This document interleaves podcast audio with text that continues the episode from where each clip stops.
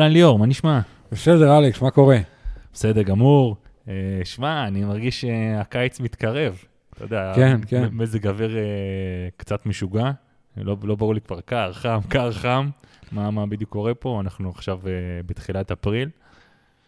אה, אני כבר מת אה, להתחיל לעשות כל הגאדג'טים האלה שהבאת לי מפרנקפורט, אתה יודע, כל הבודקי חום האלה. כן, של הזיעה והמלחים, וה... כן. טוב, אנחנו כבר אה, נגיע לזה. טוב, אז אה, בואו נתחיל, בואו נדבר כמו תמיד. אה, מה, אז אה, תחרויות, מה היה לנו? שמע, היה אושן סייד, חצי, מאוד מאוד מעניין, עם כמה ספורטאים בכירים. תחרות יפה עם בראונלי וסנדרס ורודי, ובסוף אף אחד משלושתם לא ניצח. אה, אבל היה, היה בהחלט אה, מעניין. כן, רגע, אני אגיד רק, אה, זה קליבר כל כך גבוה, אה, בראונלי, אה, מדליסט אה, זהב, נכון? מהאולימפיאדה, אה, רודי ונברג, גם אלוף עולם בחצי לשעבר, נכון אם אני לא טועה? אה, לא בטוח, לא, אבל הוא הוא בהחלט בחצאים הוא אחד הטובים בעולם, בטוח. כאילו, הר- הרבה זמן לא היה לנו משהו כזה. כן, כן, כן. אה, בסוף אה, ניצח ג'קסון לנדרי, אה, לא בפער גדול, ואחריו הגיעו אה, סנדרס ו... ורודי ממש ב... ביחד. ספרינט fi- finish, כן, אה. היה ספרינט finish אה, מטורף. היה ממש יפה. אה, אז היה שם fight יפה. במקביל, הייתה תחרות כמובן בנשים גם, ושם אמנם לא הייתה ממש תחרות, כי טיילר ניב פשוט באה וריסקה את כולם, את כולן, אבל שמע, מה שהיא עשתה שם זה ביצוע מטורף, והיא פשוט הובילה מההתחלה עד הסוף, ולצורך העניין, אפשר להסתכל רגע מתמטית, ברוב הענפי סיבולת, הפער הכי שכיח בין גברים לנשים הוא בסביבות 10-11 אחוז. מהמם. והיא הגיעה 8% אחרי המנצח. אוקיי? היא הייתה גם מגיעה מקום די גבוה בין כן, כן, הגברים. בין הגברים. השתי האחרונות שאני חושב עליהן, שעשו את זה כמה פעמים, זה באמת אה, דניאל הריף, שתכף נדבר עליה, שגם הייתה כאן, כן. שגם הייתה, וקריסי וולינגטון, מהמם. שעשתה אז 8, 18 ברות וכל מיני דברים כאלה. אה, אז טיילר ניב, היא גם נראית כל כך natural, היא כאילו, היא יושבת על האופניים האפן, כן, היא לא זה נראית היה- הכי fit בעולם מבחינת ה-body composition וזה, והיא פשוט רוכבת מדהים ורצה מטורף, וזהו, וזה- בזה זה נגמר. כן, כאילו, אם היית אומר לי שהיא תזכה, אתה יודע, ושהיא רוכבת כל כך מהר, בזמן שאתה רואה אותה בווידאו, הרי נראה, נראה לי קיבלה רק את האופניים, רק, ב, לא יודע, באותו שבוע, והיא לא, בכלל לא תמה איתם עד הסוף. אתה יודע, לעשות כזה ביצוע, וואו, אתה יודע, כזאת רמה של כישרון.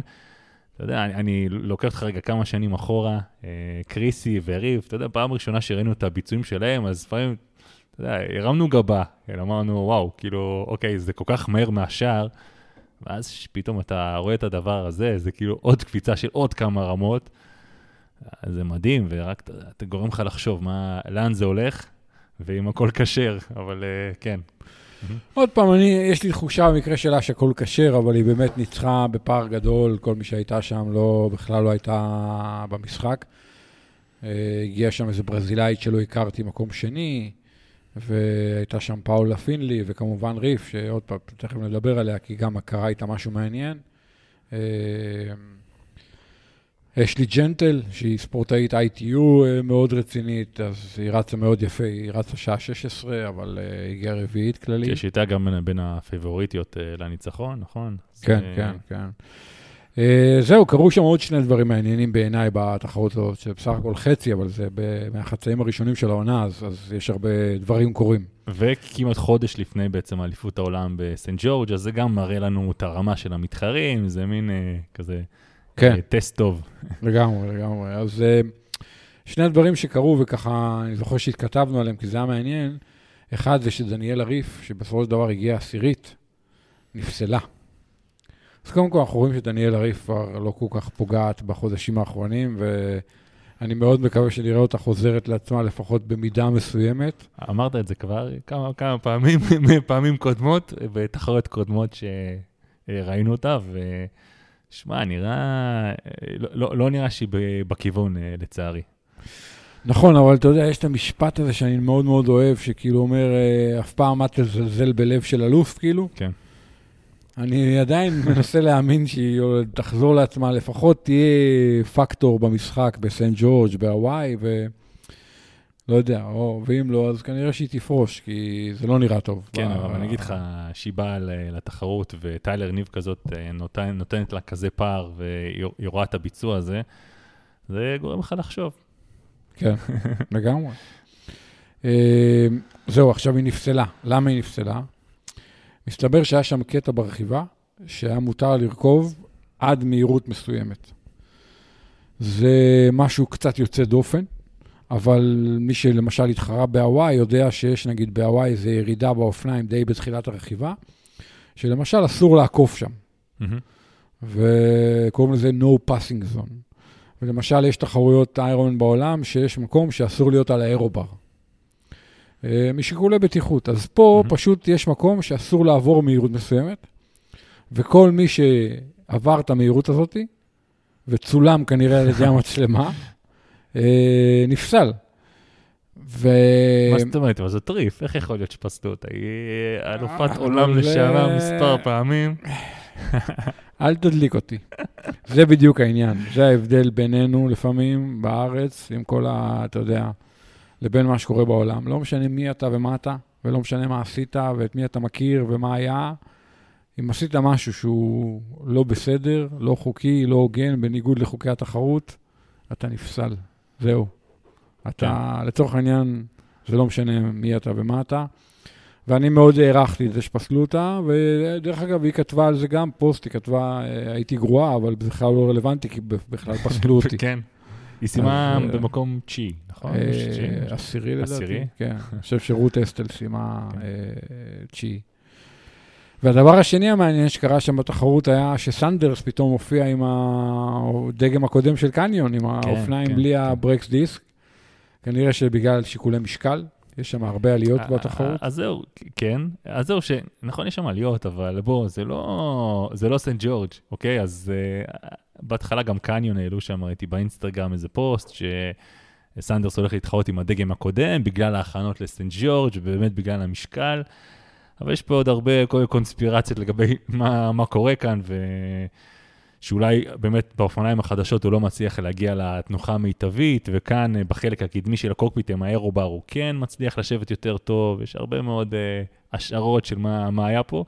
נשמע שקודם כל בסנדרס עושה מה, מה בראש שלו, כן? הוא כנראה קיבל את ההחלטה הזאת, זה בא, לא יודע, מהיועצים שלו, ממנו, אבל זה בהחלט יוצא דופן. כאילו לא, פעם ראשונה שאני רואה שספורטאי מחליט על דעת עצמו לבוא עם דגם קודם, אתה יודע, אמנם קניון כאילו פרסמו את זה, וכאילו בסדר עם זה, ככה זה נראה, אבל uh, קשה להאמין שהם באמת בסדר עם זה, זה, זה מוזר. Uh, במיוחד שהם מנסים לדחוף את הדגם החדש, זה משהו מאוד, uh, מאוד יוצא דופן. כן, כן, ממש, אני מסכים איתך. ו- ועוד נקודה אחת שקשורה בסנדרס, סנדרס בכל החצאים בשנתיים, שלוש האחרונות, עוד פעם, כשהיו תחרות ולא היה קורונה, הוא היה מעולה. ובמלאים הוא היה ככה ככה. וחלק ממה שתקע אותו והפריע לו היה הנושא של התזונה. כן. אני חשבתי שאולי יש לו בעיה עם המותג הספציפי שהוא משתמש בו, שלא נגיד את שמו, לא, לא נגיד מילים רעות על אף מותג, אבל יכול להיות שהמותג הזה לא עושה לו טוב לבטן ולא מסתדר לו. באמת לאחרונה אנחנו רואים שהוא מתחיל לנסות כמה דברים אחרים, גם חברות אחרות וגם אה, אני יודע שהוא ניסה בתחרות הזאת בכלל סירופ מייפל. אה, הוא שם סירופ מייפל מלאכי, לא משנה שנפל לו הבקבוק. כן. אה, אז זה גם מעניין, כי אני חושב שאם הוא יצליח לפצח את נושא התזונה, הוא יכול להיות ממש טוב במלאים, כמו שהוא היה טוב בתחילת דרכו יחסית, מהמם.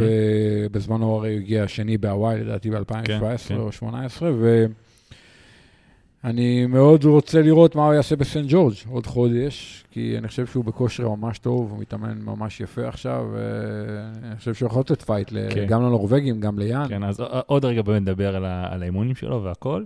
אה, לפני זה דווקא אני רוצה לדבר על עוד בן אדם שם, שזה בראונלי, שלא, זה משהו שלא ברור לי, אתה יודע, מדליסט אולימפי, מישהו כל כך חזק.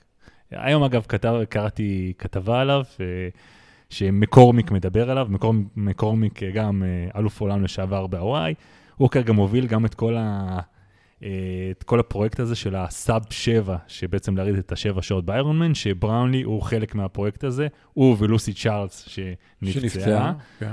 אה, וגם הוא שם אומר שהוא מאוד מאמין בו, ולמה הוא חושב שבעצם בראונלי נכשל. אה, והוא אומר באמת שם כמה דברים נכונים, שגם אנחנו רגילים את בראו, לראות את בראונלי תמיד בעצם מוביל מההתחלה, תמיד לוחץ, לוחץ מאוד, מתחרה מאוד אגרסיבי. ושמע, כנראה שבמרחקים האלה, אתה לא יכול להיות כל כך אגרסיבי, אתה צריך להיות יותר, הרבה יותר שקול, ונראה שכאן הוא מפספס פשוט כל פעם מחדש, או שהוא נותן ל, לרגש להשתלט עליו, והוא באמת, אתה יודע, דוחף, דוחף, דוחף, ואז אתה רואה אותו בריצה מתפרק, שאני מזכיר לך שבריצה... הוא הרי ב-ITU זה אחד הרצים הכי טובים שיש. הוא רץ של 28, כן, 28 דקות. 28 דקות ל-10 קילומטר. כן. אז מה, מה קורה, איך סנדרס עוקף אותו, איך, אה, אתה יודע, הוא הגיע מקום רביעי, גם כן. יש כל מיני תמונות מהתחרות, שאתה, בזמן שעוקפים אותו, אתה רואה אותו מסתכל ואתה אומר, כי הוא, אתה רואה לפי הבעת פנים שלו, שהוא לא, הוא בעצמו לא מאמין שזה קורה. כן. אה, אז אה, גם, אתה יודע, כשאתה רואה את זה, אתה, אתה בעצמך אמרת שוואו, כאילו פשוט, נכון, הוא לא קולע מפעם לפעם. לא מצליח לפצח את זה. אגב, הוא וגם אה, גומז, שלא היה פה, אה, זה עוד ספורטאי שגם תמיד אה, כן, אני עולות מסכים איתך. השאלות האלה לגביו. אני חושב שבראונלי הוא פשוט לא מספיק מבין את הטקטיקה. אתה יודע, הוא באמת כנראה מתחרה אגרסיבי מדי, והוא לא פוגע, גם בחצאים וגם במלאים בכלל, כאילו, ממש לא... זה, אני לא יודע איך הוא מתאמן, לא יודע אם הוא מתאמן, שזו גם שאלה מעניינת. אה, וגומז, גומז התחיל להתאמן עכשיו אצל דן פלוז, הניו זילנדי. וגם גומז, נמאס לו להיות גרוע במרחקים ארוכים, כן. והוא מנסה להיות טוב בזה. גומז כבר מאוד מבוגר, אבל בוא נראה. כן. תשמע, אנשים, כמו שאמרת, לב של אלוף, אה, קשה לה- להמר אה, נגדו, כן. אז אה, זה גם דוגמה טובה, ואתה רואה שנראה שהם לא מוותרים. גם, אגב, בראונלי, צריך גם כן להגיד שהוא חזר אחרי תקופה, אחרי הפסקה שהוא עשה. הרבה זמן הוא לא, גם לא התחרה במרחקים האלה, ואתה רואה אותו חוזר פה. אז מה, ניתן לו כזה, נגיד, אוקיי, יכול להיות שהוא חזר קצת חלוד, ו... אבל בסנט ג'ורג', הוא מתחרה בסנט ג'ורג', אבל אני לא יודע. אני חושב אבל, שכן. אה, שמע, היה מעניין אה, לראות, אתה יודע, הפקת לקחים ומה מה כן יקרה שם. בסנט ג'ורג' עוד חודש, לדעתי, את השדה מתחרים הכי טוב שהיה אי פעם באליפות העולם. באיש ברזל. מטורף. כן, כן. כן. ו- ופה באמת אולי נדבר קצת על המתחרים, דיברנו על סנדרס, על האימונים, ועכשיו יש באמת, אה, מי שעוקב ביוטיוב, אז יש את כל היריבות הזאת בין ה... נקרא לזה, הרכבת הנורבגית, יש כאלה שקוראים לזה, שזה קריסטיאן בלומנפלט וגוסטב אידן, שבלומנפלט הוא המדליסט האולימפי אה, מהאולימפיאדה עכשיו, זהב. אידן הוא אלוף העולם בחצי, נכון עכשיו? אה, ויש את, בצד השני את הבריטים, את, יש את ג'ו סקיפר. אה, אתה רואה אה, הרבה מאוד אה, trash talk אה, בין כולם, ואתה יודע, מצחיק גם לראות בסרטוני יוטיוב האלה, אתה רואה, את הנורבגים מאוד מחושבים, כל הזמן אה, לוקחים את הלקטייט, מודדים את ה... עושים כל מיני אה, אה, מדידות, שזה כבר סוג שנהיה, אתה יודע, כולם צוחקים על זה. אה, סתם, זה מצחיק לראות את זה, ובאמת אה, מעניין לראות מי בסוף יהיה on the top, כאילו, עם כל, ה... כל מה שהולך. מאוד מעניין. אני יכול להגיד לך שעוד פעם, אני חושב שיש גישות שונות לאימונים. אני לא הייתי פוסל את סם לונג, אני חושב שהוא... נכון, אה, סם לונג, לא יודע, הוא באמת לא הזכרנו מתאמן, אותו. נכון. מתאמן מאוד אה, זה, ועושה דברים מטורפים. פרודנו, ששומר על שתיקה, ואני מאוד אוהב את זה, הוריד פרופיל, אני לא יודע אם בגלל שהוא פצוע או בגלל שהוא מתאמן בשקט, אבל אה, בהחלט הולך להיות מאוד מאוד מעניין. אה, הזכרת את סקיפר, אז סקיפר התחרה בדרום אפריקה, היה איירומן דרום אפריקה, הוא לא היה, הוא לא היה טוב. בעצם הגיעו בגברים ראשון, שני, שלישי דרום אפריקאים. מהמם. אה, השחייה שם בוטלה, התחרות הייתה ממש לפני שבוע, אנחנו היום יום שני, כן, שבוע כן. ויום. השחייה שם בוטלה כי היה שם גלים מאוד אה, כן, אז גבוהים. בוא- בוא נדבר על זה רגע. איזה פעם כבר השחייה מבוטלת שם? סליחה, השחייה בוטלה לקבוצות גיל. המקצוענים שחו איזה 500 מטר בשביל כן. ה... בשביל אה, לא יודע השואו, לא יודע מה, בשביל מה. שיראו בצילומים שהם כן. שחו. בדיוק. אה, כן, בדרום אפריקה בשנים האחרונות אין מזל עם הים. אני התחרתי שם ב-2018 ושחינו, היה ים לא וגם פראייר. היה לא פראייר. כן. נכון, נכון. אבל מאז, מאז עוד לא הייתה שם שחייה. לדעתי, אני לא זוכר כמה תחרויות היו, כי חלק התבטלו בגלל הקורונה, אבל אין ספק שהם צריכים לעשות משהו, או לשנות את המיקום, או לשנות תאריך. אה, אז הקבוצות גיל לא שחו, והמקצוענים שחו ממש טיפה.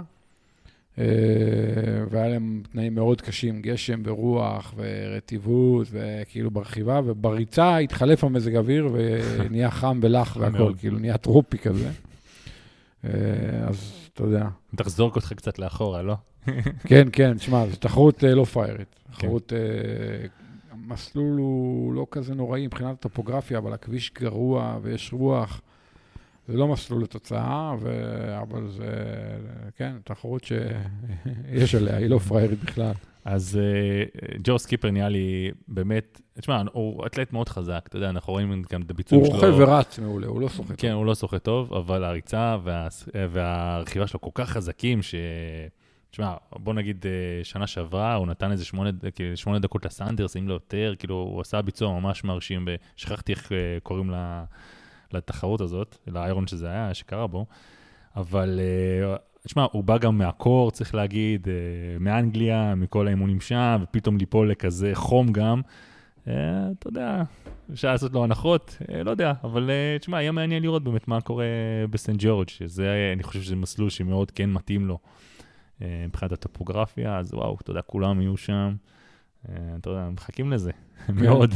אני אוהב את סקיפר, דווקא בגלל שהוא כן. כזה קשקשן וזה, כן, ותשמע, כן. הבן אדם, הוא רוכב נגש מטורף, הוא עשה שנה שעברה, אני חושב, לפני שנתיים, שת- 12 שעות נגש, על איזה 300 ואט. כן, משהו באמת, אתה אומר, לא יכול להיות, זה לא הגיוני. ואחרי זה הבן אדם לא מזמן רץ 50 קילומטר. אתה זוכר את זה? הוא רץ 50 כן, קילומטר, כן, משהו כן, מהבית, משהו זה. גם, גם. על איזה קצב אה, באמת, כאילו, יוצא דופן. אה, אז אתה יודע, יש לו את היכולות האלה, יש לו את היכולות נגש וריצה ברמות הכי גבוהות שיש. כן. הוא לא שוחה טוב, אבל בסדר, גם, גם סם לונג וסנדרס לא שוחים טוב, אבל הם מאוד השתפרו. מאוד כן. השתפרו. נכון? אה, וזהו, ורק דבר אחרון בין שלפני נמשיך, אז אה, באמת ה sprint finish הזה שדיברת עליו, שהיה לנו באושנסייד. בין, בין סנדרס ל- רודי. ל- לרודי, אז אה, שם באמת, אני חושב, פעם ראשונה שאיירונמן מבינים שאין להם בעצם אה, דרך לדעת מי ניצח, אלא אם מישהו איכשהו צילם את זה מהצד, שפה במזל מישהו גם צילם את זה מהצד. אין photo finish, כאילו, אין... אה, כאילו הצ'יפ יושב על הרגל, ובאתלטיקה נהוג שמי שחוצה ראשון עם החזה, הוא המנצח. בגלל זה, כשאתה רואה אתלטיקה בטלוויזיה, אז תמיד הספורטאים זורקים את החזה קדימה, נכון. את הגוף קדימה. כי החזה במצלמת photo finish הוא הקובע. ופה זה הרגל, זה הרגל של הצ'יפ. כן, כן. אז אה, איירומן יצטרכו אולי אה, לשפר את העניין הזה. כן, אה, תשמע, זה היה רגע מטורף, אבל באמת, אני חושב שראיתי את זה מכמה וכמה זוויות, וזה נראה מאה אחוז של סנדרס, כן? אה, למרות שהשני לא בטוח שהוא מאמין בזה, אה, אבל אה, מטורף. הייתי רוצה לראות עוד כאלה, ומקווה שאיירון מן יעלו את ה... אולי בגליל מן, אתה ואני. הייתה עוד תחרות בדרום אפריקה? נכון, נכון. אה, במרץ. אה, אולי לא היינו מזכירים אותה, אבל בגלל שהמנצחים זה חבר'ה שהיו פה ב- בסתיו האחרון וניצחו את האפיק ישראל, בעצם זוג גרמנים, שלצורך העניין הגיעו לקייפ אפיק פעם ראשונה, ואנחנו מדברים על טיילר ניב, שהיא כאילו נראה שאין לה טקטיקה ואין לה תנוחת ברכיבה ואין לה... זה היה יפה לראות את הגרמנים בקייפ אפיק, כי הם באו, באו ופשוט רכבו פול גז מההתחלה עד הסוף. שרגע, רק נזכיר, זו תחרות של השמונה ימים אה, בשטח, אה, כן. שמונה ימים אכזריים, יום אחרי יום, אה, הרבה קילומטרים, הכל בשטח, בדרום אפריקה. כן, זה? כן, תחרות של אה, 600 ומשהו קילומטר, שמונה ימים, אתה יודע, לנו בזמנו לקח 33 שעות, כל שנה המסלול קצת משתנה, השנה היה להם גם מסלול קשה וגם תנאים מאוד קשים, שרה והכול. מהמם. באו שני הגרמנים האלה שניצחו את אפיק ישראל, ופשוט נתנו בראש להרבה רוכבים מוכרים ובכירים מהם. מהמם. ומה שהיה יפה לראות, סתם כל מיני חברות, עוד פעם, לא נזכיר שמות, הגיעו עם מערך מטורף של צוות וציוד ומכונאי וטבח ומנהל. אלה באו הגרמנים האלה עם אבא של אחד מהם, אוקיי? אין להם מכונאי, אין להם מעשה, אין להם טבח, הם עשו הכל לבד. יש אבא של אחד מהם שעזר להם, והם פשוט ניצחו. וזה היה יפה, כי זה החזיר, אני סופר מאמין, כן במעטפת וזה, אבל מצד שני, זה החזיר את הזה שאם אתה פשוט חזק, אז גם אם אתה, אין לך את המעטפת המושלמת, לפעמים לא נורא, ואולי אפילו יש לזה גם יתרונות. שמע, אה, קטע. אגב, אני יודע, הרי רוב הפעמים המנצחים שבאמת זה רוכבי עבר, אתה יודע, מוכרים, ומה, מי- מי- מי מי אלה החבר'ה האלה? הם גם אה, אני? לא מכיר אותם ש- יותר מדי, אבל שני גרמנים שהם מתמחים במרתונים, הם לא רוכבים כל כך במרחקים הקצרים באולימפיאדה וזה. והם פשוט רכבו מדהים. הם רכבו מדהים יום אחרי יום. ו- אבל גם שם ביום האחרון היה גם משהו מעניין, לא? כן, כן, הם ניצחו ביום האחרון, זה היה היה מהפך ביום האחרון. שמע, ביום האחרון הם היו צריכים לסגור אה, כמה דקות, ואמרו, "אה, איך הם יסגרו את זה? תשמע, לא יקרה, לא יקרה. ובסוף, הם לא רק שהם סגרו, הם פתחו עוד פער. כאילו, הם רכבו וואו. כאילו בליגה אחרת, וזה היה ממש יפה. זה היה מהפך, הייתה תחרות ממש יפה. בנשים היה פחות אה, מעניין השנה בקייפ אפיק, אבל... אה, שמע, השנה יש מלא ישראלים שנרשמו לשנה הבאה. רגע, השנה נראה לי לא היה ישראלים בכלל, לא? אני חושב שלא היו ישראלים השנה. אה, ו- זה הרבה שנים כבר לא לא היה דבר כזה. אני לא- גם חושב, אבל עוד פעם, קורונה מה קורונה, כן. ושנה הבאה יש הרבה ישראלים אה, שנרשמו, שאני יודע, ובטח יש כל מיני שאני לא יודע. אבל. שנה הבאה עוד פעם יהיו שם הרבה ישראלים, ווואלה, תחרות אה, אחת, ה... אחת הטובות שהייתי בהן, ואחת הקשות בטוח. מגניב, נשמע קשוח בטירוף. לא יודע איך עושים את זה שמונה ימים ברצף, באמת. לא יודע. ממש ככה, כן. כן. אה, זהו, אז זה קצת לגבי תחרויות ש... שהיו ב... נגיד חודש האחרון, תוצאות, עניינים. אה, בואו נדבר על ההמשך. אה, טוב, בארץ יהיה לנו את הגלילמן, כן. אחרי שזה התקיים פעם ראשונה שנה שעברה, גם אחרי דחיות והכל, והיה מאוד מוצלח. טוב, אני ואתה נהיה שם, כמתחרים. כן, בקטגוריית העילית. אני, אני שנה האחרונה בעילית, זהו, אני שנה הבאה אני בן 50, סיימתי. ואני, כי אתה שם, כי שכנעתי אותך להתחרות אה, מרוב נגדי הטרשטוק בינינו. כן. אה, כן, כן. אז ההימור באמת כמה דקות אני אסיים אחריך. אה, טוב, יהיה מעניין. אז הגלילמן זה אליפות ישראל בחצי איש ברזל. אה, באמת קרה שנה שעברה פעם ראשונה, שחייה בים. הים שם בדרך כלל נוח, אבל זה עניין של מזל, בחוף בצת, אה, מתחת לראש הנקרה. הרכיבה עם כמה עליות, עולים מכיוון אה, שלומי, יערה, עד אילון וחוזרים פעמיים, ואחרי זה שתי, שתי הקפות יותר קצרות שבהן עולים רק עד שלומי. והריצה היא די מישורית, אבל היא לאורך הים, ושנה שעברה היה די חם בשלב הזה של הריצה. כן, כן, היה ממש החום עלה. אני פעם שעברה עשיתי את האולימפי, לא, לא את החצי, ואני זוכר שסיימתי, אז באמת נהיה ממש חם. ואני חושב שרק סיימתי, אז נראה לי החצי ירדו לריצה. אז אה, בהחלט יהיה, יהיה שמח, כנראה גם הפעם. כרגיל, אני מקווה שיהיה רוח, שיהיה חם, ושיהיה, כן. אה, גם ככה זה לא תחרות מהירה, זה לא תחרות לתוצאות. נכון. אה, בוא נראה מי יהיה השנה. שנה שעברה היה מלא חבר'ה חזקים בעילית, ממש היה תחרות ממש יפה. מהמם. חלק מהחבר'ה הלך להם מעולה, חלק מהחבר'ה פחות. אה, שנה שעברה אודי אלחנתי ניצח, אחרי זה אלתרמן, אחרי זה עמית שקד וארז אלזנברג, מילמן. אה, אז השנה, אני לא יודע מי מתחרה, לא, לא, אין לי מושג. כן, לא, לא ראיתי שיש עדיין רשימת משתתפים, גם לי לא, לא ברור. אה, אבל אה, שמע, נראה לי קודם כל החצי זה אחלה הכנה גם לתחרות של המלא, של מי שמשתתף אה, בקיץ אה, בתחרות של המלא. ואולי גם אולי ניתן ככה קצת טיפים למי שהולך להשתתף בגלילמן. אה, אתה כבר אה, רכבת שם, רכבת שם, היית בחודש האחרון שם באזור. לא, לא רכבתי? שם, הייתי במקרה עם האוטו שם בשבוע האחרון, אבל אה, עוד פעם, שנה שעברה התאמנתי שם פעם אחת לפני ורכבתי בתחרות. שמע, העלייה היא לא נוראית, כן? יש שם קטע אחד תלול מ- מלמטה, מהצומת פנייה לאדמית עד יערה, זה הקטע הראשון של כמה מאות מטרים שזה תלול, ואחרי זה די מתמתן, כאילו יש שם איזו אמבטיה כזאת, ואז אתה עוד פעם מטפס, אבל עלייה די מתונה. אבל החלק הראשון של העלייה הוא בהחלט אה, תלול מאוד. צריך להיזהר שם, לא, לא להרוג את עצמך על הקטע הזה, מהמם. וגם לראות שיש לך מספיק הילוכים בשביל לטפס שם את הקטע הראשון התלול. מצד שני, צריך הילוכים גם בשביל לנסוע מהר אה, אחר כך במישור. כן. אה, ובירידה. הירידה, חלקים ממנה אתה לא באמת יכול לפדל בכל מקרה, כן. כי אתה מגיע למהירות מאוד מאוד גבוהה, וגם יש שם כמה עיקולים בירידה. הירידה היא טיפה מסוכנת, נכון. צריך להיזהר. אה, גם הכביש שם אה, לא 100%. נכון, גם בירידה יש. כמה סדקים, כמה כן. בורות, אז כאילו, אני ממליץ למי שיכול לעבור על המסלול, אפילו עם האוטו יום לפני, אה, בכלל טוב, ומי שיכול לרכוב שם, אז הכי טוב. אה, זהו, אני פשוט יודע שחבר'ה שרכבו עכשיו, אה, ממש בסוף שבוע הזה, אני מכיר מישהו שהתרסק שם בירידה. אז להיזהר, לראות את הבורות, אתה יודע, לפעמים אתה באטרף הזה של התחרות, אז גם לפתוח עיניים. כן, כן, כן, צריך להיזהר שם. ובריצה, תשמע, היה פשוט חם, אבל הם כן הרשו לקחת בקבוקים ודברים מהאנשים, כאילו. אה, מה... וואלה. אז אני זוכר שנתתי, לא זוכר כבר, אה, אני חושב שטלי נתנה לי, ובקבוקים וזה, זה מאוד עוזר, כי אתה יכול להכין לעצמך את המשקאות שלך, את הבקבוקים שלך, את התזונה שלך, את מה שאתה רוצה. אה, אני חושב שזה לפעמים שווה לרוץ עם כובע ולא עם וייזר, מי שאתה יודע, מפחד מהקרינה של השמש וזה, עם החום והכול. מהמם. אה, צריך הרבה נוזלים, הרבה מלחים, גם ברכיבה וגם בריצה, כי באמת יכול להיות חם, וזה עדיין סוף אפריל, הגוף לא מאוקלם. כן. אז החום הוא בהחלט יכול להיות פקטור. אני הגרמין מראה לי 8% מכלום בינתיים. כן, רק התחלנו. אה, אז אני חושב שצריך לקחת את זה בחשבון. אה, תמיד יש את דילמת הגלגלים ששואלים אותי, דיסק, לא דיסק, אחורי, אתה יודע, באופני נגש. שנה שעברה התחרתי עם דיסק, אני מניח שגם השנה אני אתחרה עם דיסק.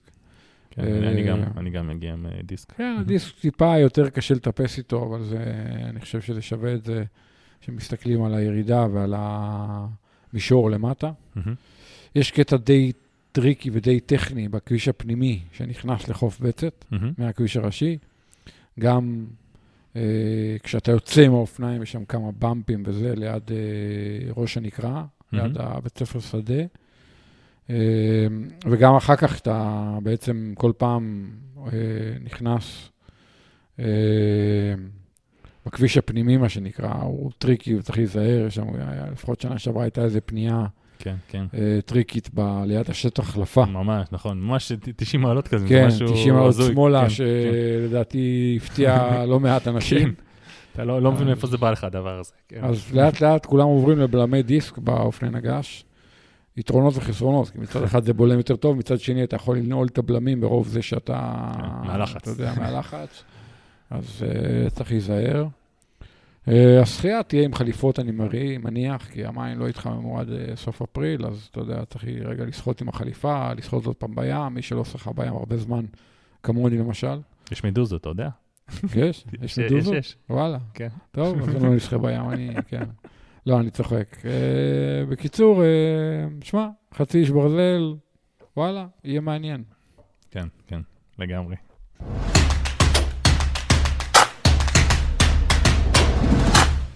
לפני, נראה לי, שבועיים זה היה? שלושה אה, שבועות. שלושה שבועות. כן. אה, סיפרת לי על אה, רכיבה מעניינת באמת אה, שעשיתם, רכיבה, נקרא לזה מיוחדת, אה, בכביש 10. לפי מה שאני מבין, זה כביש באמת שהוא לא פתוח אה, כל הזמן בעצם אה, בכלל לנסיעה. אה, מעניין, סתם, בוא תספר על זה קצת.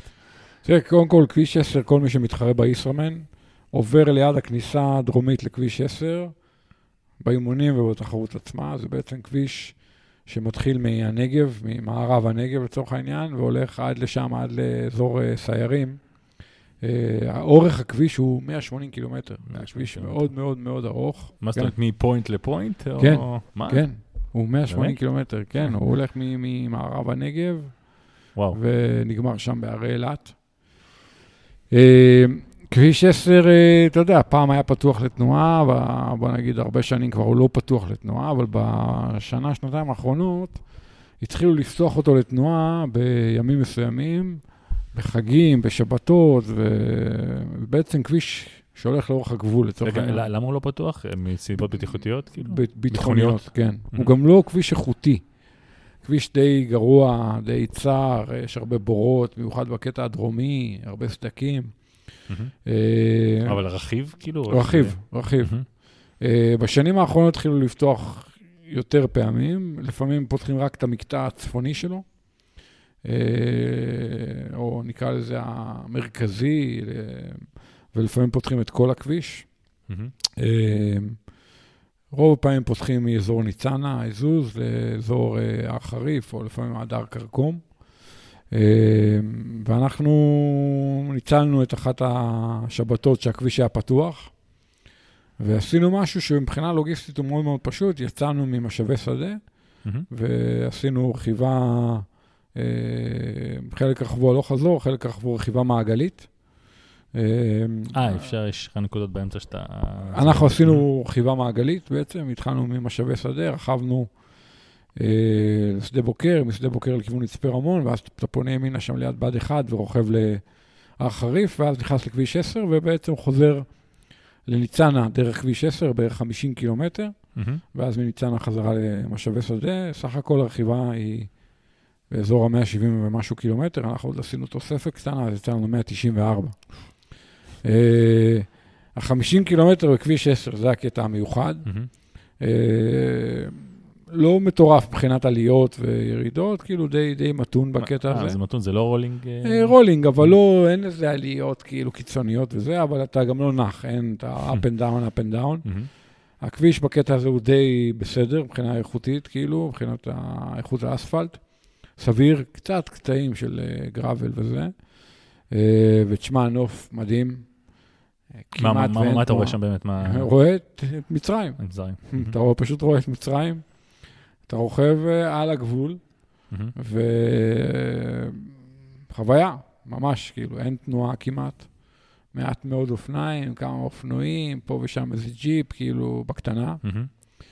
ובהחלט חוויה מדברית אה, מיוחדת מכל הבחינות, כאילו. מגניב. רגע, יש סיורים של הצבא וכאלה? כן, זה- כן, יש שם אה. הרבה צבא, וגם אתה, כשאתה נכנס לכביש אתה צריך להירשם, כשאתה יוצא מהכביש אתה צריך אה, להירשם. וואו, אוקיי. באמצע הדרך עוצרים אותך כמה פעמים. אבל אני לא צריך להירשם כמה ימים לפני, נכון? יכול לא. להגיע ו... כן. צריך להסתכל פשוט באתר מתי הכביש פתוח ל- ל- ל- לתנועה, ואז. גם פתוח לאופניים. אנחנו התקשרנו כמה ימים לפני, יש איזה טלפון כזה, לוודא שבאמת פתוח, שאין איזה הפתעות. ותשמע, חוויה שאני ממליץ לכל רוכב אופניים בישראל, ממש. מגניב, חבל על הזמן.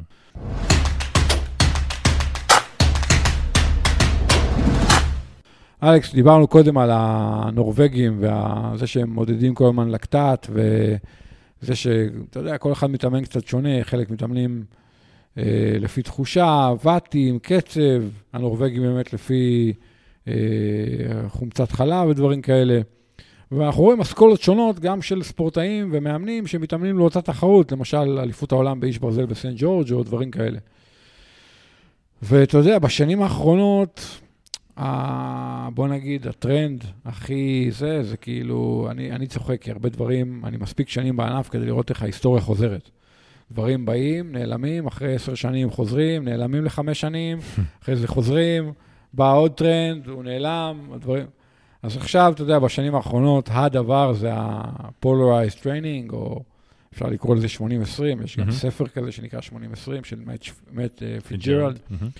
אה, בזמנו, יכול להגיד לך, לפני 13, 12, 13 שנה, היינו קוראים לזה אין אימונים בין 2 ל-4, אבל 2 ל-4 זה לא היה שעות ביום, זה כאילו, הכוונה הייתה או שמתאמנים מאוד מאוד קל, או שמתאמנים מאוד מאוד חזק. אני מדבר איתך על 2009, 2010, וואלה. אוקיי? כשאתה התחלת להיות אתלט, והיה לך אורבע. אה, אז, אה, אז עכשיו זה הטרנד של השנים האחרונות, ה-80-20, אה, ואני חושב שבאים הנורבגים ולא בדיוק מתאמנים ככה, למרות שאנשים כן חושבים שהם מתאמנים ככה, כן ולא, ו- ואני חושב שבגדול, אה, זה יותר מורכב ממה שאנשים חושבים. כל הנושא הזה של עצימות באימונים, כל הנושא הזה של ה-polarized training, של או מאוד קל או מאוד חזק, כל נושא, נקרא לזה 80-20.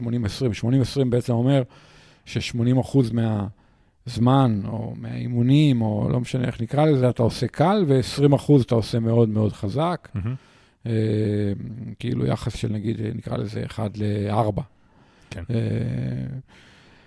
ואני אני כל פעם קורא, ואני שומע, ואני רואה מה אנשים כותבים בפייסבוק וזה, ואני אומר, העולם הוא יותר מורכב ממה שאנשים חושבים. א', לא תמיד אנשים יודעים איך בדיוק ספורטאים בעולם מתאמנים.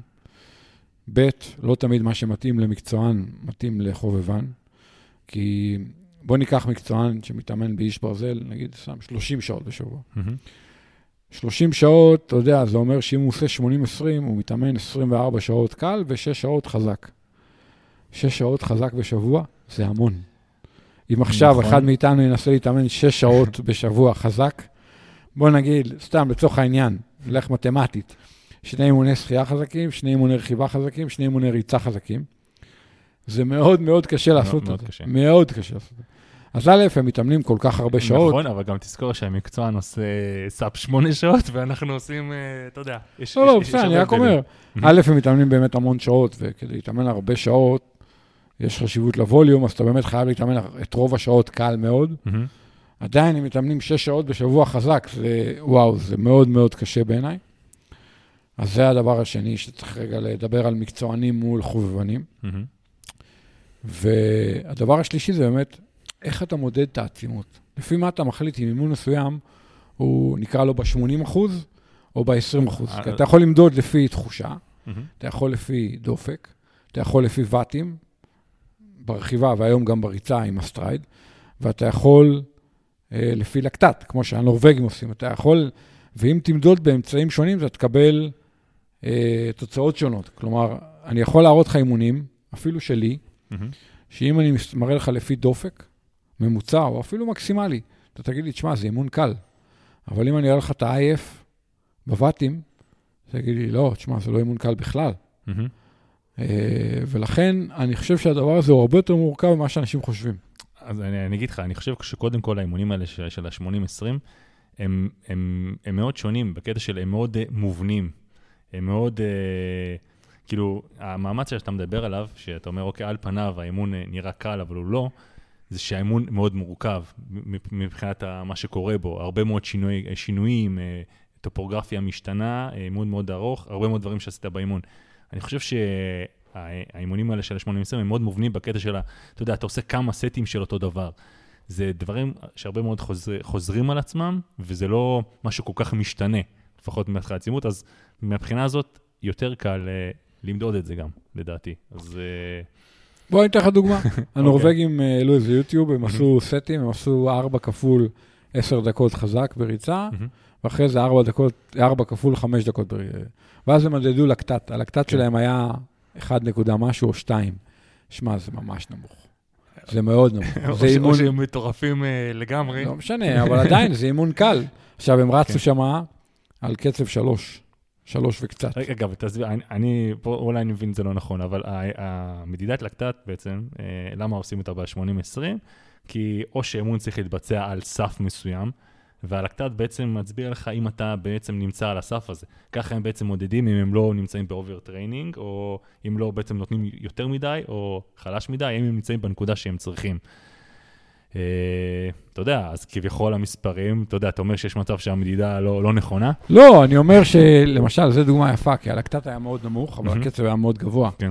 שיום למחרת הם צריכים לעשות אימון רמות חזק, או אפילו באותו יום, יכול להיות שיהיה להם מאוד קשה מבחינת האימפקט שזה עשה להם על הרגליים, למרות שבלקטט הם בסדר, הם לא צריכים ריקאברי מבחינת אה, לפנות חומצת חלב או. משהו כזה.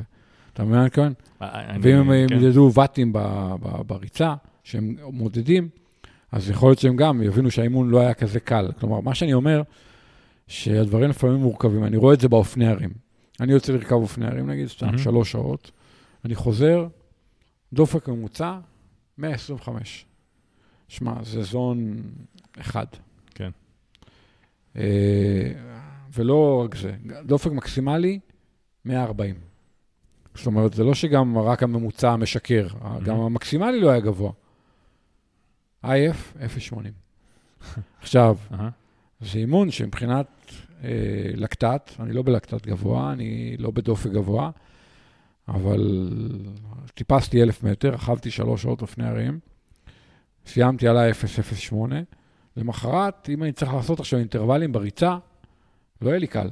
נכון. זה כן ישיר אימפקט לאינטרוולים בריצה. זאת אומרת, צריך, מה שאני אומר זה יותר מורכב ממה שחושבים. נכון, אבל אנחנו בעצמנו תמיד אומרים שאנחנו צריכים לשקלל את כל הפרמטרים, נכון? אה, דופק, ואטים, ואתה יודע, לא ללכת על אה, משהו אחד, ולפיו, אה, אתה יודע, לקחת את ההחלטות. אז גם כאן, אתה יודע, זה אותו, אתה יודע, צריך שהספורטאי בסופו של דבר, או המאמן שלו, אתה יודע, צריך לקבל פה כל הזמן החלטות, אתה יודע, איך להמשיך, אתה יודע, במיוחד שאתה אומר, הנה, סיימתי אימון כזה, רגע, אז מה, אני מחר הולך לעשות את האינטרוולים האלה כמו שתכננתי, אולי אני צריך לעשות פה התאמות. אה, או, או למדוד את האימון יותר לפי תחושת מאמץ, ולהגיד, אוקיי, אבל מה זה תחושת מאמץ? לך תרכב, אה, לך תרכב קל. אתה מבין? כן? קל, אל תחזור עם דופק נמוך. תרכב קל באי-פורט. אתה מבין אני מתכוון?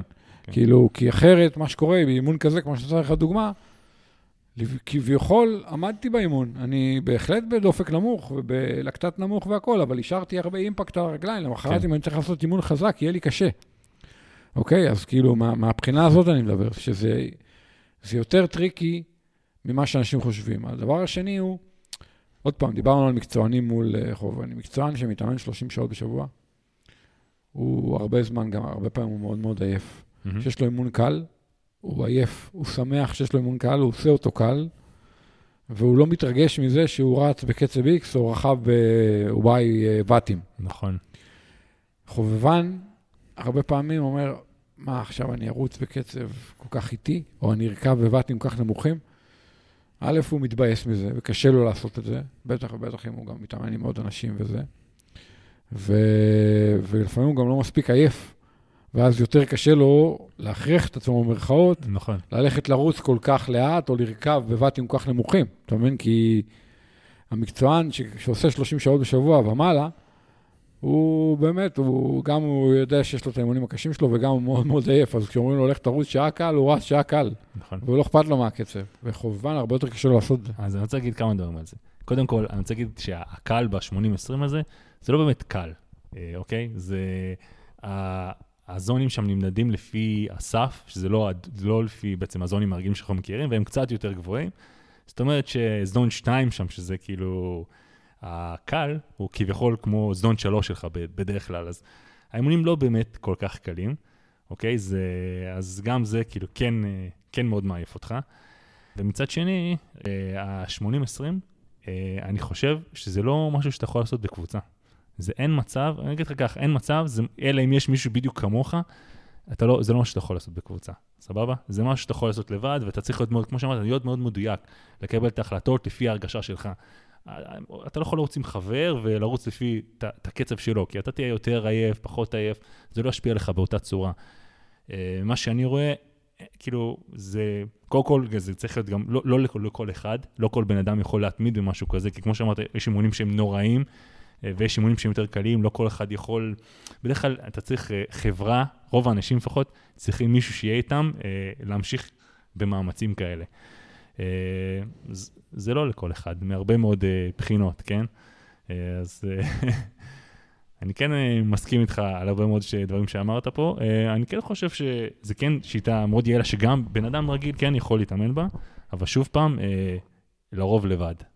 אוקיי? לא עם, לא עם אנשים אחרים, כי הרוב, לפחות בארץ, אני יותר מתקשה לראות איך זה תופס, כי הרבה פה כן אוהבים להתאמן בקבוצה, ו...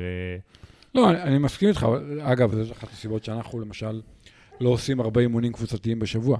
מהמם. כי אם אני רוצה שבן אדם עכשיו יעשה אימון קל, אני מעדיף שהוא יעשה אותו לבד. כן. כי אם הוא בא אה, להתאמן עם אנשים, יכול להיות שהוא ייגרר, מהמם. וחוץ מזה, אה, יכול להיות שהוא יתבאס, כי הבאתי אותו לאיזשהו מקום בשעה מסוימת, בשביל לעשות משהו שהוא יכל לעשות במילא מאוד בקלות כן. ליד הבית וזה, כן. מה, אתה עכשיו אתה רוצה שאני ארוץ שעה קל? שעה קל, אז אני יוצא מהבית ורץ שעה קל, למה אני צריך לנסוע עכשיו אה, רבע שעה לכל כיוון ב-5 בבוקר? כן. אז, כן, כן. ולכן אני, אתה יודע, אני לא בעד להתאמן כל יום עם אנשים. אני גם חושב שמבחינה מנטלית, בסוף נכון. בתחרות אתה לבד, אבל גם פיזיולוגית, אם עכשיו אני רוצה שבן אדם יעשה אימון קל, לפעמים, הרבה פעמים עדיף שיעשה אותו לבד, ליד הבית. גם אני אגיד לך, סתם, אה, אתה דיברת גם על אה, ספורטאים מקצועיים, בוא ניקח את האימון הזה ביוטיוב שראינו של בלומנפלד ואידן, שהם רצים ביחד. הרי, נכון, הם ברמה סופר גבוהה, אבל בריצה הם לא באותה רמה. נכון? זה לא, לא אותו דבר. אתה ראית שבלומנפלד מלפנים מוביל וגוסטב מאחורה שם, כן. והוא גם עדיין כאילו מנסה לרוץ איתו. אז אתה יודע, גם ההשפעה של אימון כזה, אתה יודע, הוא כן כאילו משך אותו, אז מה... אז מה בעצם אתה עושה פה? אה, כן, 80-20, מה... אתה יודע, זה... יש פה הרבה מאוד פרשנויות אה, לדברים האלה ולאן אתה לוקח את זה. אני מסכים אה, איתך. אין ספק, זה, זה מור- מורכב מאוד, ואני חושב שכל הזמן זה... אה, זה משהו שצריך לקבל בו החלטות. אתה יודע, לפחות אה, גם אתה צריך, כן, זה ספורט, צריך, או שיש לך מאמן, אבל או שאתה יודע לקבל החלטות בדבר הזה, אבל פשוט זה לא. תראה, אני אגיד לך משהו כולל, שאני אומר להרבה אנשים שאני פוגש. רוב האנשים מתאמנים חזק מדי, יותר מדי מהזמן. כלומר, הם יוצאים לרוץ, הם רצים חזק מדי. הם יוצאים לרכב, הם רוכבים חזק מדי. הם הולכים לשחות, הם עושים כל אימון חזק מדי. כלומר, הנטייה היא, הטבעית זה להגיד, וואלה, אני יכול לעשות אימון, אז בוא, אני אקרא את עצמי שזה יהיה אפקטיבי. ולרוב האנשים אין את היכולת לעשות את זה יותר קל, גם כי הם באמת חושבים שזה לא אפקטיבי, הם אה, רצים כן. יותר קל או יותר לאט, וגם גם בגלל שזה יותר כיף לראות בסוף הריצה קצב יותר גבוה, או לעקוף מישהו, או, אתה יודע, אני בסוף מתאמן די הרבה לבד, ואני, הרבה מהאימונים שלי הם די רגועים. אה, גם, ואני לא מתרגש אם יצא קצב יותר נמוך, או משהו כזה, כאילו, רגע, אני פחות צריך טוב. לעצור. רגוע אצל ליאור זה לא רגוע אצל כל בן אדם. לא משנה, אבל עדיין, אתה יודע, אני לא מתרגש כאילו כן. מקצב מסוים בשחייה, ברכיבה, בריצה, אה, וזה להרבה אנשים קשה. אני אומר לאנשים, אתם רצים חזק מדי, ניקח ריצה. אה, יותר מדי. חמש פעמים בשבוע הולכים ורצים חזק, כי, כי כן. רוצים שזה יהיה אפקטיבי, אז הולכים ורצים הכי חזק שאפשר. אבל- במקום אבל- לעשות אבל- שתי ריצות כן. חזקות בשבוע ושלוש ריצות אבל קלות. כמה אתה כבר יכול אה, להתמיד בזה? אתה- אוקיי, עשית עכשיו חמש כאלה אה, ריצות חזקות. אתה גמור, כאילו, מה מה אתה עושה שבוע הבא? אתה עושה- מנסה עוד פעם לעשות את זה? כן. זה כאילו... כן. נראה לי מטורף. עוד פעם, אתה יודע, גם אם זה לא all out, אבל אתה עדיין, אנשים לא. רצים חזק מדי, אתה מבין? ואז גם גורמים את עצמם, ואז למחרת שהם צריכים לרוץ חזק, אין להם כוח, כי הם כן. עייפים מהריצה הקלה, כי היא לא הייתה קלה. נכון. לכן לפעמים אני, ריצות שלי קלות, אני עושה על המסילה. כי על המסילה נורא קל גם לשלוט בזה. אני שם על קצב X ורץ וזהו, מכבה את המוח, כאילו אומר, אין, עכשיו זהו, אתה לא יכול להגיד, פגשתי מישהו, אני לא יכול להגיד, לא שמתי לב, זרמתי, אין, יש קצב על המסילה, יש מספר. אתה יודע, אני דווקא פחות אוהב לעשות אותם על המסילה, כי כמו שאתה אומר, נכון, יש ארג מוד על האופניים, זה מאוד מזכיר לי ארג מוד על ה... אתה יודע, בריצה, אוקיי, אז המסילה עכשיו אמרה לי שאני צריך לרוץ ככה, וואו, ואני נניח ממש ממש עייף. אבל לא, אני יודע שאני צריך לרוץ, לא יודע, סתם 12 קמ"ש עכשיו, שעה, אז אתה יודע, אני ארוץ את זה למרות שאני כאילו עייף, יכול להיות. אני מעדיף- דווקא לצאת, אתה יודע, החוצה, ואז אני יכול יותר לשלוט בקצב. לא, כן, אני, אה, אני מוריד אז ל-11, ל-10, כן, לזה, אני לא כן. מתרגש מזה, כאילו, אז ייקח לי עוד כמה דקות הריצה או משהו, לא, לא אכפת לי, כאילו. כן. אבל איזה קל להגיד את זה מהצד, אה, אתה יודע, ואז, אה, אתה יודע, רוב האנשים שמגיעים לאימון עצמו, באמת להבין את זה בעצמך, שאתה כן צריך להוריד, אה, הרבה פעמים זה מאוד קשה. לא, אני רואה את זה, כן. אתה יודע, אנשים, אתה אומר להם, לך תרוץ, אה, לא יודע, שעה קהל, חוזר קצב מאוד גבוה, Mhm. מאוד מהיר. אתה אומר, אבל ביקשתי לרוץ קל. לא, זה היה לי קל, אתה מכיר את זה? כן, אחרי זה הולך לתחרות, הבן אדם הולך לתחרות, רץ יותר לאט ממה שהוא אמר שהיה לו קל. כן, כן. אתה מבין שזה לא היה לו קל, שזה בולשיט, כן? אבל אתה יודע, אנשים רוצים גם שהדברים ייראו טוב בסטראבה, זה אחת הסיבות שאני נגד הסטראבה, כן. כי כל הזמן אתה מרגיש ש... מה, בלחץ, בלחץ. אה, רצת כל כך לאט, רכבת כל כך, אה, ואטים כל כך נמוכים. לכן, אתה יודע, אני לא כל כך אוהב את הסטראבה בהקשר הזה. כן. אחלה, תשמע, דיון מעניין. כן.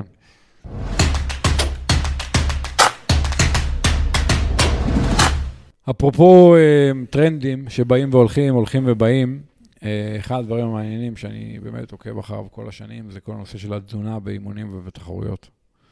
אה, בלי קשר, עם ובלי קשר לתזונה הכללית, אתה יודע, כל הטבעוני, קטוגני, fasting ו-16-8 וכל הדבר הזה.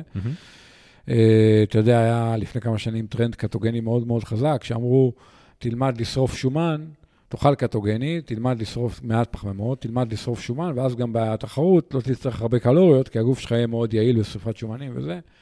לא ניכנס לדיון הזה. כן. אה, אנשים מתעצבנים מזה אחרי זה, אני יודע, הם אומרים לי אחרי זה, ב- לא, אני אומר, לא. לא ניכנס לדיון הקטוגני, כי, כי, כי הוא דיון בפני עצמו, אבל כן, אבל כן נשאלת השאלה הרבה פעמים, אם להגביל את עצמך קלורית במהלך האימונים, יגרום לזה שהגוף יתרגל להיות בפעילות גופנית בעצימות מסוימת, ולהסתדר עם מעט קלוריות מסוכרים ולהתבסס יותר על שומנים, ואז בתחרות, שתוסיף את הסוכרים, מהמם. אז כאילו תקבל איזשהו מנוע טורבו, נקרא לזה. בגדול, לפני הרבה הרבה שנים קראו לזה train low, race high.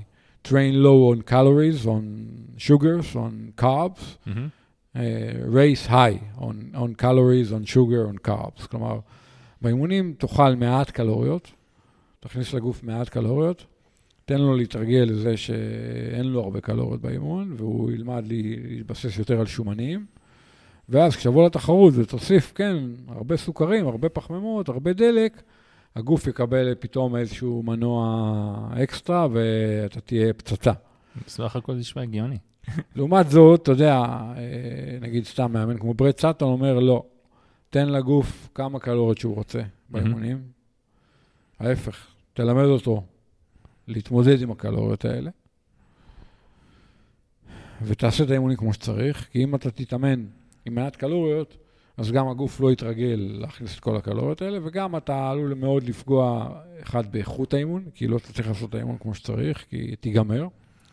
ושתיים, הוא אומר שאתה עלול לפגוע בהתאוששות ובבריאות בסופו של דבר. כשאתה מתאמן כל הזמן במעט קלוריות, אז אתה פוגע בהתאוששות. כשאתה אומר מעט קלוריות, אנחנו מדברים על uh, אימון מתוך, כאילו, מתוך, uh, שאתה לא אוכל לפני, כאילו, כמו פאסטד כזה, מזה שאתה גם, מתחיל גם, לצום, או, כאילו? או, גם, או לא לאכול לפני, או לאכול, במהלך לאכול מעט תוך כדי, או גם וגם. כאילו, לקום בבוקר, לא לאכול לפני, וגם באימון עצמו לאכול מעט. מהמם. כאילו, אתה יודע, יש הרבה ויכוחים האם זה אפקטיבי, האם בסופו של דבר על התחרות זה יעזור לך, וגם אם כן, האם זה שווה את המחיר שאתה במרכאות משלם, כי גם אתה עלול באימון עצמו לא להיות מסוגל להחזיק את הוואטים שאתה אמור, או בריצה קצבים וזה. וגם לפעמים בהתאוששות, ואתה יודע, כאילו, האימון נהיה הרבה יותר קשה. וצריך להוסיף לזה עוד אלמנט, שזה האלמנט הבטיחותי. הוא פחות קריטי בריצה, אבל בהחלט קריטי באופניים. אם אתה גומר אימון, נגיד רכיבה של 3-4 שעות, ואתה בסוף כבר קצת מדולל קלוריות, מהמם. יכול להיות שאתה תהיה קצת זומבי. ואז אתה יודע, פחד זה מסוכן, אתה גם יכול להיכנס. לאיזה בור, ואתה גם יכול להידרס. כן. ולהפיל מישהו, ו... אז אני גם תמיד מפריד בין רכיבה לריצה. אה, הדיון הזה הוא מאוד מאוד מעניין, אני יכול להגיד לך שסתם, אני אתן לך דוגמה דווקא מריצה, אבל אה, אריאל רוזנפלד דוגמה מעניינת. מהמם. הוא, אה, באימונים שהוא עושה די רחוק מהתחרות, הוא עושה אימונים של ריצה ארוכים בזון אחד, שבהן הוא אוכל מעט מאוד קלוריות. הוא גם לא אוכל לפני יכול לתת אימון. דוגמה, כאילו? מה זה כן. מעט? אימון שנגיד סתם ארבע שעות ריצה, שהוא. קם בבוקר, לא אוכל כלום, ויוצא לרוץ ארבע שעות, לוקח איתו שניים, שלושה ג'לים בכיסים, ואם הוא מרגיש שהוא יכול להחזיק בלי הג'לים האלה, הוא לא, לא אוכל אף. וואו, אוקיי. כן. כאילו ארבע שעות ריצה, שוב, וזון אחד, אבל צריך להגיד. זון זה אחד, זון אחד. בדופק נמוך, מהמם. דופק שריפת שומנים, שורף מעט קלוריות, מהמם. רוב הקלוריות באות, באות משומן בדופק הזה, והוא רץ ארבע שעות בלי קלוריות, שהוא כמה חודשים לפני התחרות. כשהוא מתקרב לתחרות, הוא עושה בדיוק הפוך. הוא יוצא לריצה ומתרגל את התזונת תחרות. זאת אומרת, כמה, כמה אימונים ארוכים הוא כן מתרגל את התזונת תחרות כדי לראות שהיא עובדת וכדי להרגיל את הגוף לתזונת תחרות. זאת אומרת, זה לא שהוא מתאמן כל הזמן בלי קלוריות ורק... לא, הוא כמה אימונים ארוכים לפני התחרות עושה, כן, אה, מין nutrition plan כזה, ועושה, מתרגל את התוכנית תזונה. מהמם. אה, אז אתה יודע, בהקשר הזה זה מאוד מאוד מעניין, זה גם עניין של גישות, יש תזונאים כאלה, תזונאים כאלה. אה, אתה יודע, אני, אני כן מתאמן לפעמים מעט קלוריות. אה, סתם, עכשיו אני צריך לקום בבוקר ללכת לרוץ. אז אני לא חושב שארבע שעות, אבל אם אני בכושר טוב, ואכלתי טוב יום קודם, ולא עשיתי איזה אימון גרנדיוזי, אז לקום בבוקר, לשתות קפה שחור וללכת לרוץ נגיד 20 קילומטר, אין לי בעיה. מהמם. ואז אני אולי אקח איזה ג'ל או שניים בכיסים, אבל אני, אם אני לא ארגיש שאני צריך אותם, אני לא אשתמש בהם. אבל אם הייתי אומר לך עכשיו, זה לא סתם כש- 20 קילומטר, זה עכשיו 20 קילומטר עם אינטרוולים באמצע ואימון יותר רצים, אז... אה, אז אם אני ארגיש שכדי להצליח לעשות את האימון הזה, אני צריך להכניס קלוריות, אני אכניס קלוריות. כן. אם אני ארגיש ש... שאני לא צריך, אז יכול להיות שאני אוותר על הקלוריות האלה. מה שבטוח, אני אוכל הרבה קלוריות מיד אחרי האימון, כן. כי בשביל ההתאוששות והכל. אה, ויש גישות של ספורטאים, מאמנים וזה, שלא, הם אומרים כל הזמן, אה, כל הזמן פיול היי, פיול היי, פיול היי.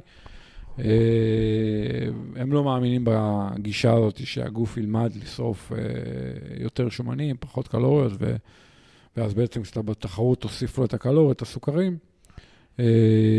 הוא יקבל איזשהו אקסטרה בוסט כזה.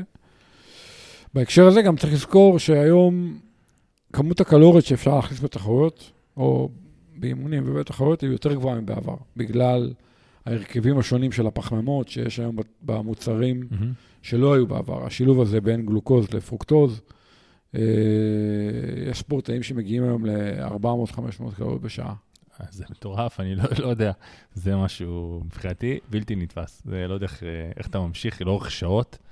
ככה, אז צריך קיבה מאוד מאוד מיוחדת, קיבת ברזל, נראה לי, בשביל עוד להכיל פעם, את זה. גוסטה וידן, הנורבגי, כן, גוסטה כן, וידן כן, בחצי, הוא עושה 400 קלוריות גם בשעה. סם לונג אה, נותן שם... מעל 400 כן, קלוריות כן, בשעה. כן. אה, וזה בזכות כל המוצרים כן, החדשים. כן. אה, ואני חושב שזה Game Changer. העובדה שאתה יכול להכניס יותר קלוריות היא מאוד מאוד קריטית אה, באימונים, אבל במיוחד אבל בתחרות. שוב פעם, זה משהו שאתה צריך לעבוד עליו, נכון? זה לא משהו שאתה פתאום עכשיו בא, אוקיי, עכשיו אני מתחיל אה, מכלום להכניס יותר מ-400 קלוריות בשעה, אין, זה, אתה תסיים, אה, אתה יודע, או מקיא, או אחרי זה כל היום אתה גמור, אה, אתה יודע, אתה, אתה לא, לא תרגיש טוב כנראה. זה משהו לא, לא, שבטוח ברור. צריך להתרגל אליו. תראה, אנחנו יודעים שעד 60 גרם פחמימות לשעה, שזה 240 קלוריות, רוב האנשים הם בסדר עם זה. כן. אבל תחשוב שהם היום הולכים לכיוון ה-400 קלוריות בשעה. אה, אני מצליח לעשות את זה לפעמים, זה מאוד מאוד עוזר, כי אתה פשוט מצליח, אה, אתה יודע. אני מעל 300, לא, זה לא, לא הולך לכיוון טוב. אבל אז זה מכריח אותך להישאר בעצימות אה, יחסית נמוכה, כי נכון. אחרת אתה- נכון. מתחיל להגיע לגירעון קלורי גדול מדי, כי אתה שורף בשעה נגיד 800, מכניס 300, אתה עכשיו ב-500 קלוריות, אבל הנה גירעון שאתה עושה קלורי את ה- בשעה. באמת את ההבדלים האלה, שאתה כבר מפרק את זה, נכנס פה למיקרו יותר, אז אני אגיד לך גם, אוקיי, אז גם האימונים לקראת דבר כזה, זה, זה מאוד תלוי במרחקים גם שאתה עושה. מה, אתה יודע, מה התחרויות אה, מטרה שלך, אתה מתאמן לחצי, למלא, אז אה, גם לפי זה אתה, אתה יודע, תיקח את התזונה כנראה ותחליט איך, אה, איך להתנהל. אני, אני מסכים איתך, כאילו. בגדול, אני אגיד לך משהו קצת מהמם. כוללני. רוב האנשים הם underfueled בתחרות. הם, מהמם. הם לא מכניסים מספיק קלוריות. חלקם מחוסר מודעות, וחלקם כי זה פשוט עושה להם לא טוב, כאילו. כן. ברגע שהם מכניסים מספיק קלוריות, כי הם כנראה או לא תרגלו את זה, או לא מצאו את המוצרים הנכונים עבורם, או גם לא תרגלו וגם לא מצאו את המוצרים הנכונים עבורם. אבל מי שכן מצליח להכניס הרבה קלוריות, אני רואה את זה גם באימונים הארוכים. הוא פשוט נוסע הרבה יותר טוב, או רץ הרבה יותר טוב למשך הרבה יותר שעות. מהמם. והרבה פעמים כשאנשים מגיעים להתאמן בקבוצה ומדברים איתי וזה, אני אומר לו, אכלת טוב באימון? הוא אומר לי, כן, כן, אכלתי מעולה. אני אומר לו, מה אכלת? כל שעה אכלתי שני תמרים ובקבוק איזוטוני. אני אומר לו, אוקיי, כמה קלוריות יש באיזוטוני? יש לך 100. כמה יש בשני תמרים? אתה לא יכול, אתה לא תשרוד על זה אימון כן. של אה, אימון אה, שנוסעים 4-5 שעות. בעצימות. זה לא נקרא לאכול טוב. כן. ואז כשבן אדם פתאום אתה אומר לו, אוקיי, עכשיו תוסיף לזה עוד חטיף בשעה, עוד איזה 200 קלוריות, פתאום אתה רואה שהבן אדם נוסע הרבה יותר טוב. וזה תהליך. ואז בדרך כלל, מתישהו בן אדם אומר, בדיעבד, שחשבתי אז שאני מכניס מספיק קלוריות ושאני אוכל טוב, לא אכלתי טוב, לא הכנסתי מספיק קלוריות. עכשיו שאני מבין את זה, ואני אוכל יותר טוב, מכניס יותר קלוריות, אני באמת נוסע הרבה יותר טוב. כן. אתה מבין? ובן אדם לא, לא בהכרח ישתפר הרבה בכושר, אבל הוא פשוט, הגוף שלו פשוט נח, נחבא פחות, או נחבא יותר לאט. הוא מגיע פחות לבונק, לבור, או לא משנה איך קוראים לזה, לקיר. תשמע, אבל זה, אתה יודע, זה כאילו דיסציפלינה משל עצמה, כל, ה, כל העניין הזה, אתה יודע, יש שחייה, רכיבה, ריצה ותזונה. אין מה לעשות, אתה יודע, זה משהו, אני גם חושב שכל אחד, אה, להכיר את עצמו באמת, לדעת לפחות במרחקים האלה שהוא מתחרה בהם, מה הוא צריך לעשות. אתה יודע, זה העולם ומלואו, כל הדבר הזה, אני חושב שזה לפעמים דורש הרבה מאוד שנים גם להבין מה עובד לך, מה לא עובד לך. אתה יודע, אנחנו מדברים על זה כזה, כאילו זה יכול ככה בקלות לעבוד לכל אחד, אבל זה הרבה יותר מורכב מזה, הרי, נכון? חד משמעית, אבל אני, אני כן אומר שאנשים צריכים להשקיע בזה. כן. אתה יודע, כל אחד שעושה תחרות של מעל שלוש שעות, צריך להשקיע בתזונה, גם באימונים, גם בתחרות, ולהבין מה האסטרטגיה הכי טובה שלו לאימונים, מה, מה לתחרות, ואז לתרגל את זה, ו, ובתחרות עצמה, אם אתה מקפיד על קלוריות ברמה גבוהה, ומצליח כן לעכל אותן ולהוריד אותן טוב, וזה לא עושה לך בחילות ובלאגן בבטן, יש מצב שאתה יכול פתאום לגלות שהיכולת שלך היא הרבה יותר טובה ממה כן. שחשבת. כן, ואתה יודע, עכשיו שבכלל שאנחנו מדברים על זה, ואני מקווה שאנשים שומעים אותנו, כי הרבה פעמים, אתה יודע, אנשים אומרים, אוקיי, התזונה וזה, סבבה, זה חשוב, אבל אה, אוקיי, אני חודש לפני התחרות, אני חודש, שבועיים, אתה יודע, תלוי מי, אני אתחיל אה, לתרגל את זה, אני אראה שזה עובד, אני, אני אבדוק את הג'לים האלה, אני אבדוק שהם עובדים לי, אתה יודע, ברמה מאוד אה, בסיסית יחסית, והנה, אנחנו מראים לכם שזה לא כזה שטחי וזה לא בסיסי בכלל.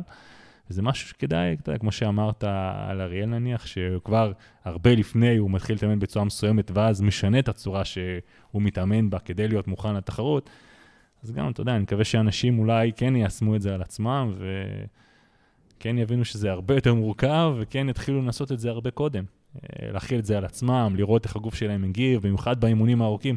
תשמע, בוא נגיד ככה, המורכבות שבזה גם לפעמים שהאימונים הארוכים, אתה לא באמת מגיע אליהם עד לפני תקופה, אה, אתה יודע, די קצרה לפני התחרות מטרה, נכון? אז גם פה זה, לא, זה, זה מורכב, הכל פה מורכב, לפעמים כזה גם זה דורש שנים של ניסיון כדי להבין מה עובד. כן, כן. בקיצור, שיהיה לכם בהצלחה. לכולנו. לכולנו.